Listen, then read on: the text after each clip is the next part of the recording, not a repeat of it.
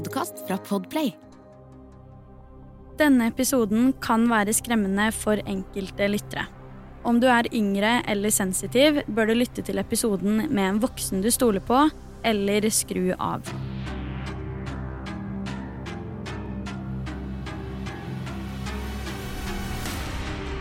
I denne ukens episode skal jeg ta for meg en av norgeshistoriens desidert mest omfattende og omtalte drapssaker, og også en sak jeg til dags dato ikke blir klok på. Dette er saken med over 10 000 dokumenter med informasjon fra avhør og lignende.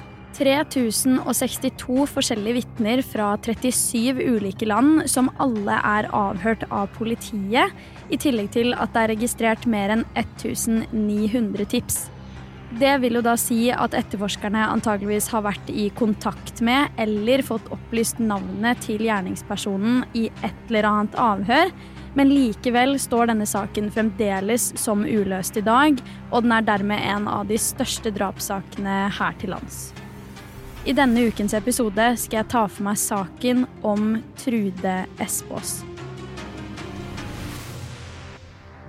Vi skal til Geiranger i Møre og Romsdal, et sted kjent for turisme både fra Norge og utlandet. Geiranger hadde i 2006 totalt 226 fastboende, og ut fra statistikken jeg har klart å finne, så virker det som at akkurat det tallet her har holdt seg rimelig stabilt de siste tiårene. På sommeren kan det imidlertid være opp mot 8000 forskjellige mennesker i Geiranger hver eneste dag i løpet av ferien, som vil si at den overlegne majoriteten av menneskene her på sommeren antageligvis ikke er særlig kjent i området, og mange av dem er nok bare i Geiranger i en kort periode av gangen, bare innom eller lignende. Til vanlig er jo ikke det her det største problemet man har, men akkurat i den saken her så er det nok mer en ulempe enn en fordel at det har skjedd i et veldig typisk turistområde. Nok om Geiranger og turisme, la meg fortelle deg historien om Trude Espås.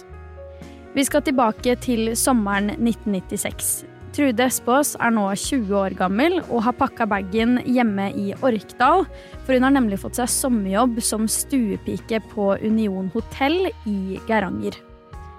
Her skal hun bo og jobbe hele sommeren, og gleder seg stort til det. Etter å ha jobba på hotellet i rundt en uke, så får Trude sin aller første fridag, og denne skal utnyttes godt. Trude bodde jo også i Geiranger den sommeren her, og var da innlosjert på et eh, hybelhus, hvor alle de andre som jobba der, også bodde. Trudes første fridag var en torsdag, og denne torsdagen sitter hun da og spiser frokost med noen av de andre ansatte inne i hybelhuset. Det er lite info å finne der ute om hva Trude drev med denne fridagen, men jeg vil anta at hun gjorde helt vanlige ting, kanskje var litt ute i sola. Like før klokka halv tre på ettermiddagen observerer en av de andre stuepikene at Trude går fra hotellet og ned mot sentrum. Dette er faktisk det siste denne stuepiken noen gang så av Trude, men heldigvis har vi mange andre vitneobservasjoner fra timene etter dette. Imidlertid kom aldri Trude tilbake til hybelhuset denne kvelden. Dagen etter mottar lensmannen i Geiranger en telefon fra hotellet om at Trude har forsvunnet. 20 minutter senere drar den første politimannen fra stasjonen, helt uviten om hva som skal skje videre. Det kunne jo faktisk være at Trude hadde gått seg en tur og skada seg på en eller annen måte som gjorde at hun ikke var i stand til å komme seg hjem eller lignende. Søket etter Trude begynte umiddelbart, og fordi Geiranger ligger rett nedi en dal, så brukte politiet politihelikopter for å søke rundt med disse.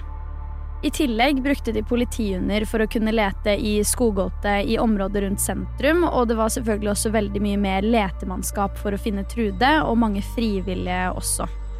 To dager etter telefonen fra hotellet kom inn, så får politiet sitt første gjennombrudd i saken. Nå har de nemlig fått inn noen eiendeler funnet på et berg i skogen rett utenfor sentrum. Dette stedet var visstnok et veldig kjent og flittig brukt utsiktspunkt. Her finner de bl.a. en veske og en bok som de antar at tilhørte Trude. Flere vitner kan fortelle at de har sett Trude sitte og lese i boka si på dette berget, så det var sånn politiet skjønte at eiendelene hørte til Trude. Boka de fant, lå der helt åpen, som kan indikere at Trude ikke hadde planer om å bare forlate berget der. Kan hun ha blitt forstyrra av en eventuell gjerningsperson og blitt tatt fra stedet? Skulle hun gå noe sted for så å komme tilbake igjen?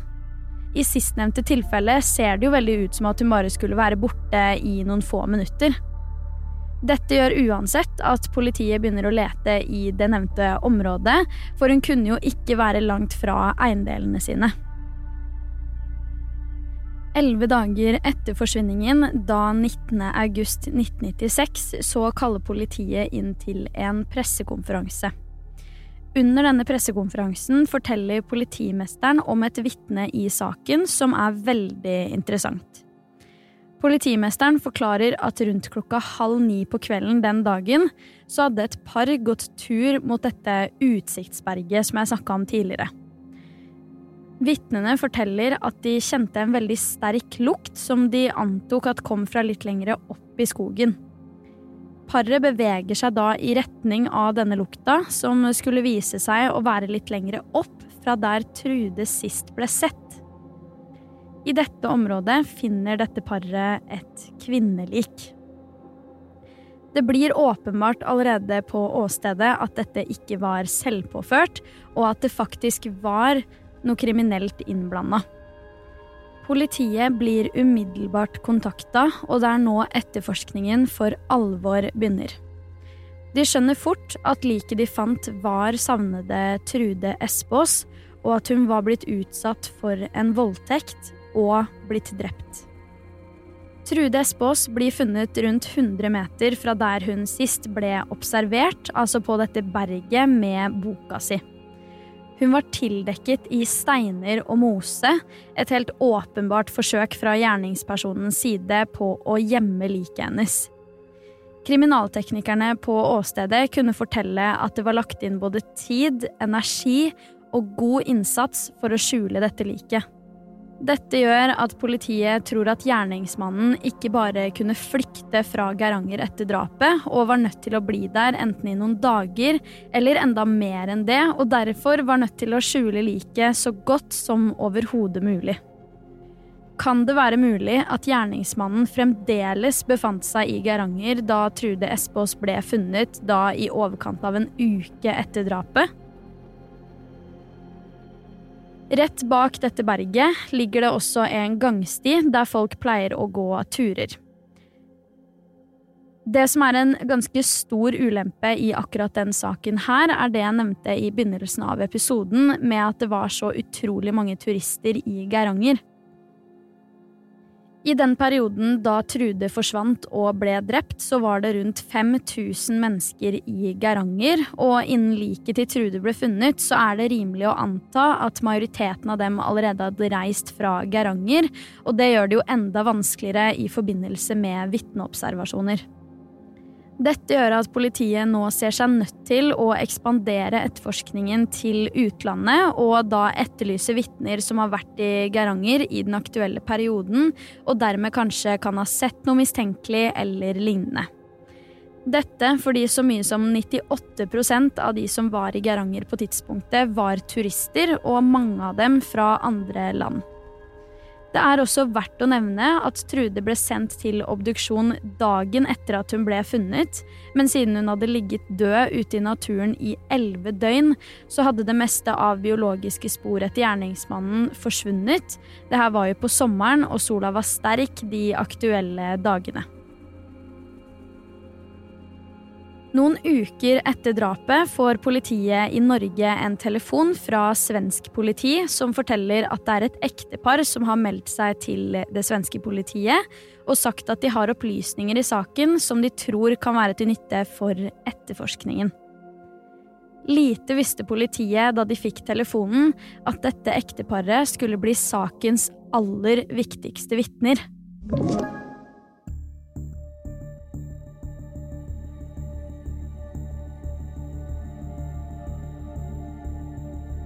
Så hva var det egentlig disse vitnene hadde sett?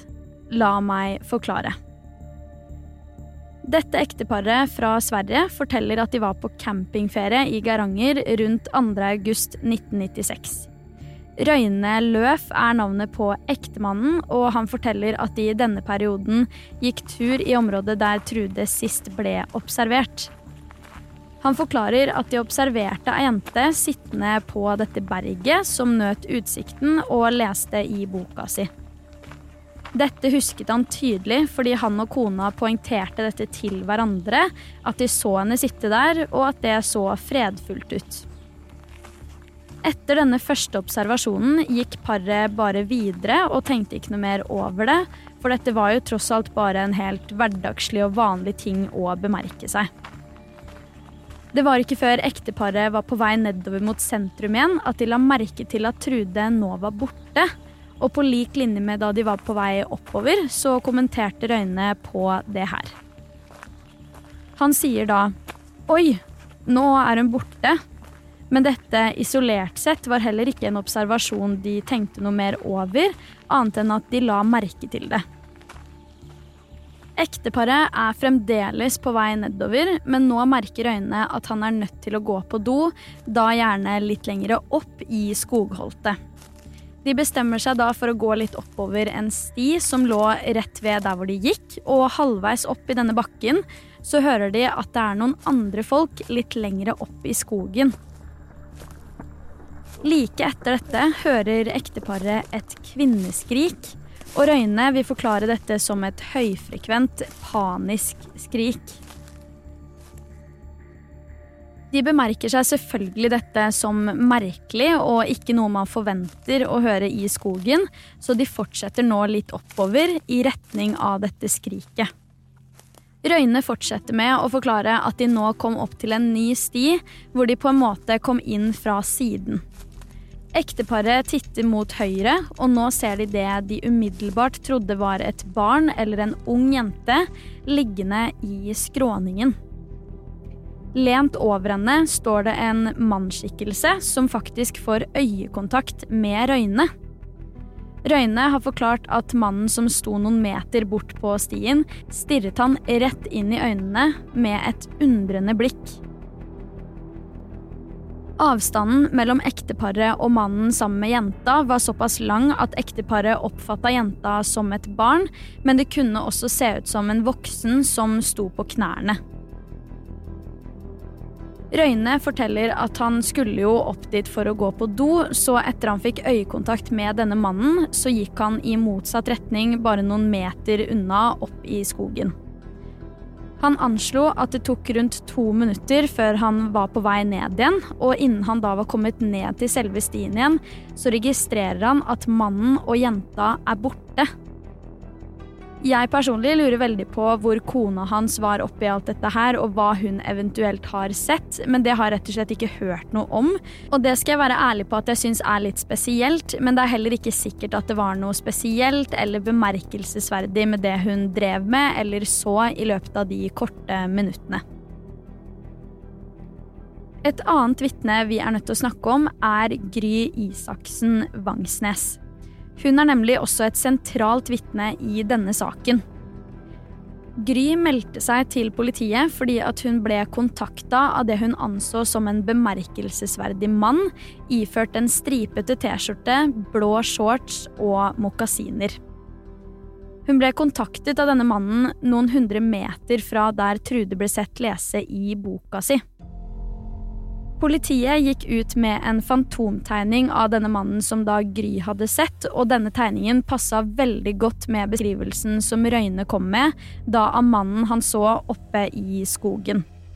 Noe annet interessant vi er nødt til å snakke om, er noe Trude gjorde i dagene før hun ble drept i Geiranger. Hun skrev nemlig ned veldig mange stikkord på en lapp hun hadde, for å huske hva hun skulle skrive ned i dagboka si. Dette her er da notater som gjerne sier noe om hva hun opplevde disse dagene, som kanskje stakk seg litt ekstra ut. I notatene fra 2.8.1996 finner vi bl.a. ordene tysker og krykke, som kanskje kan indikere at hun møtte på en eh, tysker som gikk på krykker, men hvem var denne tyskeren? Da politiet fant denne lappen, så ble dette veldig fort en av de mest sentrale ledetrådene i saken.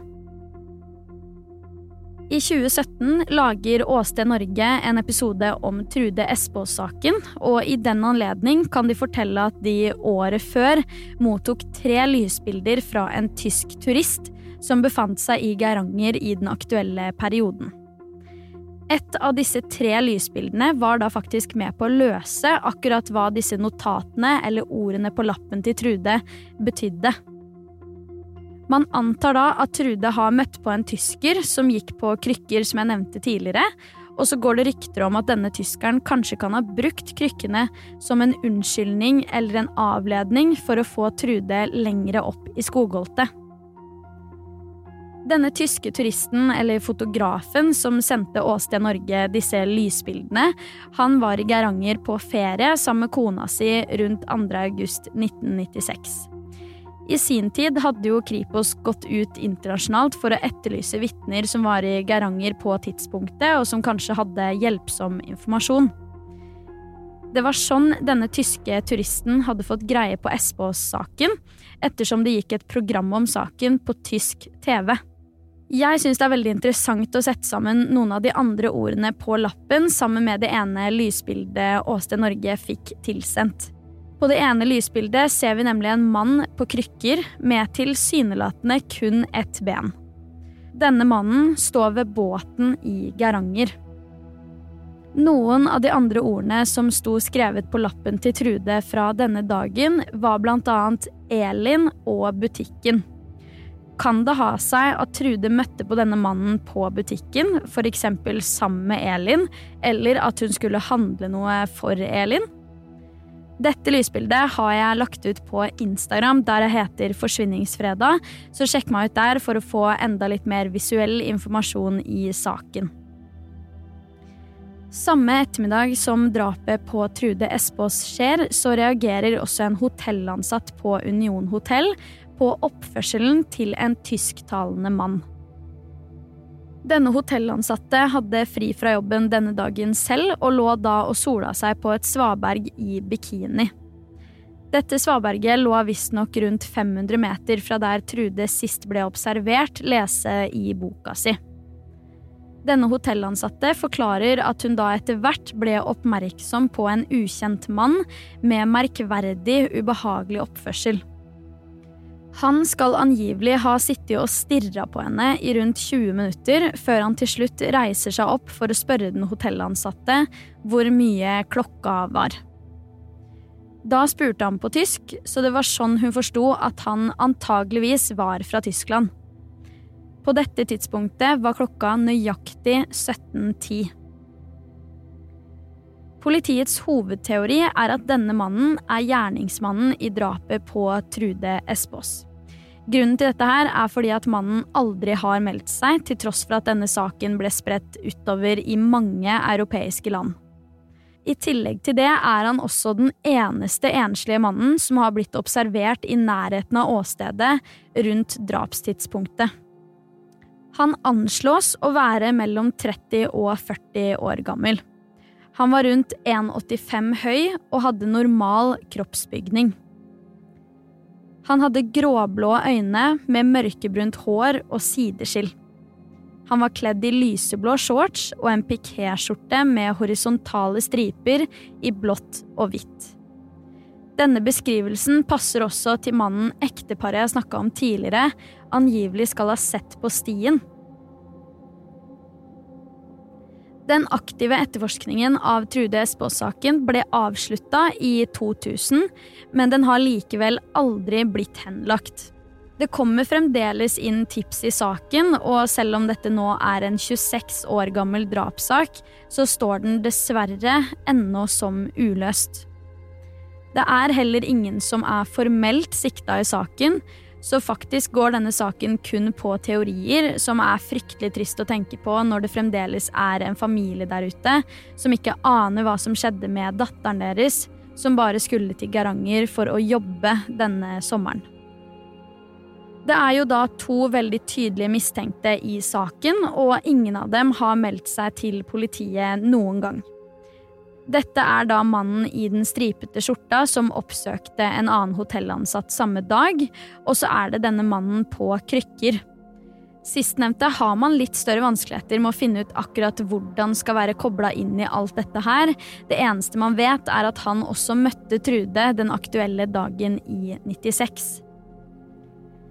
Asbjørn Hansen, kjent fra TV 2-programmet Åsted Norge, var faktisk etterforskningsleder for Trude Espås-saken i sin tid. I 2017 kunne han fortelle at gjennom sin karriere som etterforsker, så var dette den eneste saken han ikke klarte å løse. Bare det i seg selv gjør denne saken enda mer spennende, så jeg vil gjerne høre hva du tenker om Trude Espås-saken. Så ta og send meg dine tanker og refleksjoner på Instagram, der jeg heter Forsvinningsfredag. Du har hørt Forsvinningsfredag podkast med meg, Sara Høydahl, og dersom du vil høre om flere true crime-saker, så kan du også sjekke meg ut på YouTube, der jeg heter Sara Høydahl. Uansett så kommer det en helt ny Forsyningsfredag podkast-episode allerede neste fredag, og i mellomtiden, ta vare på deg selv.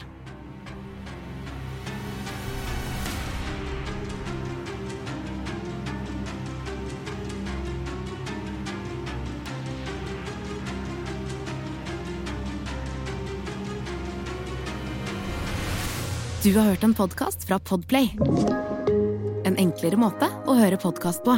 Last ned appen Podplay, eller se podplay.no.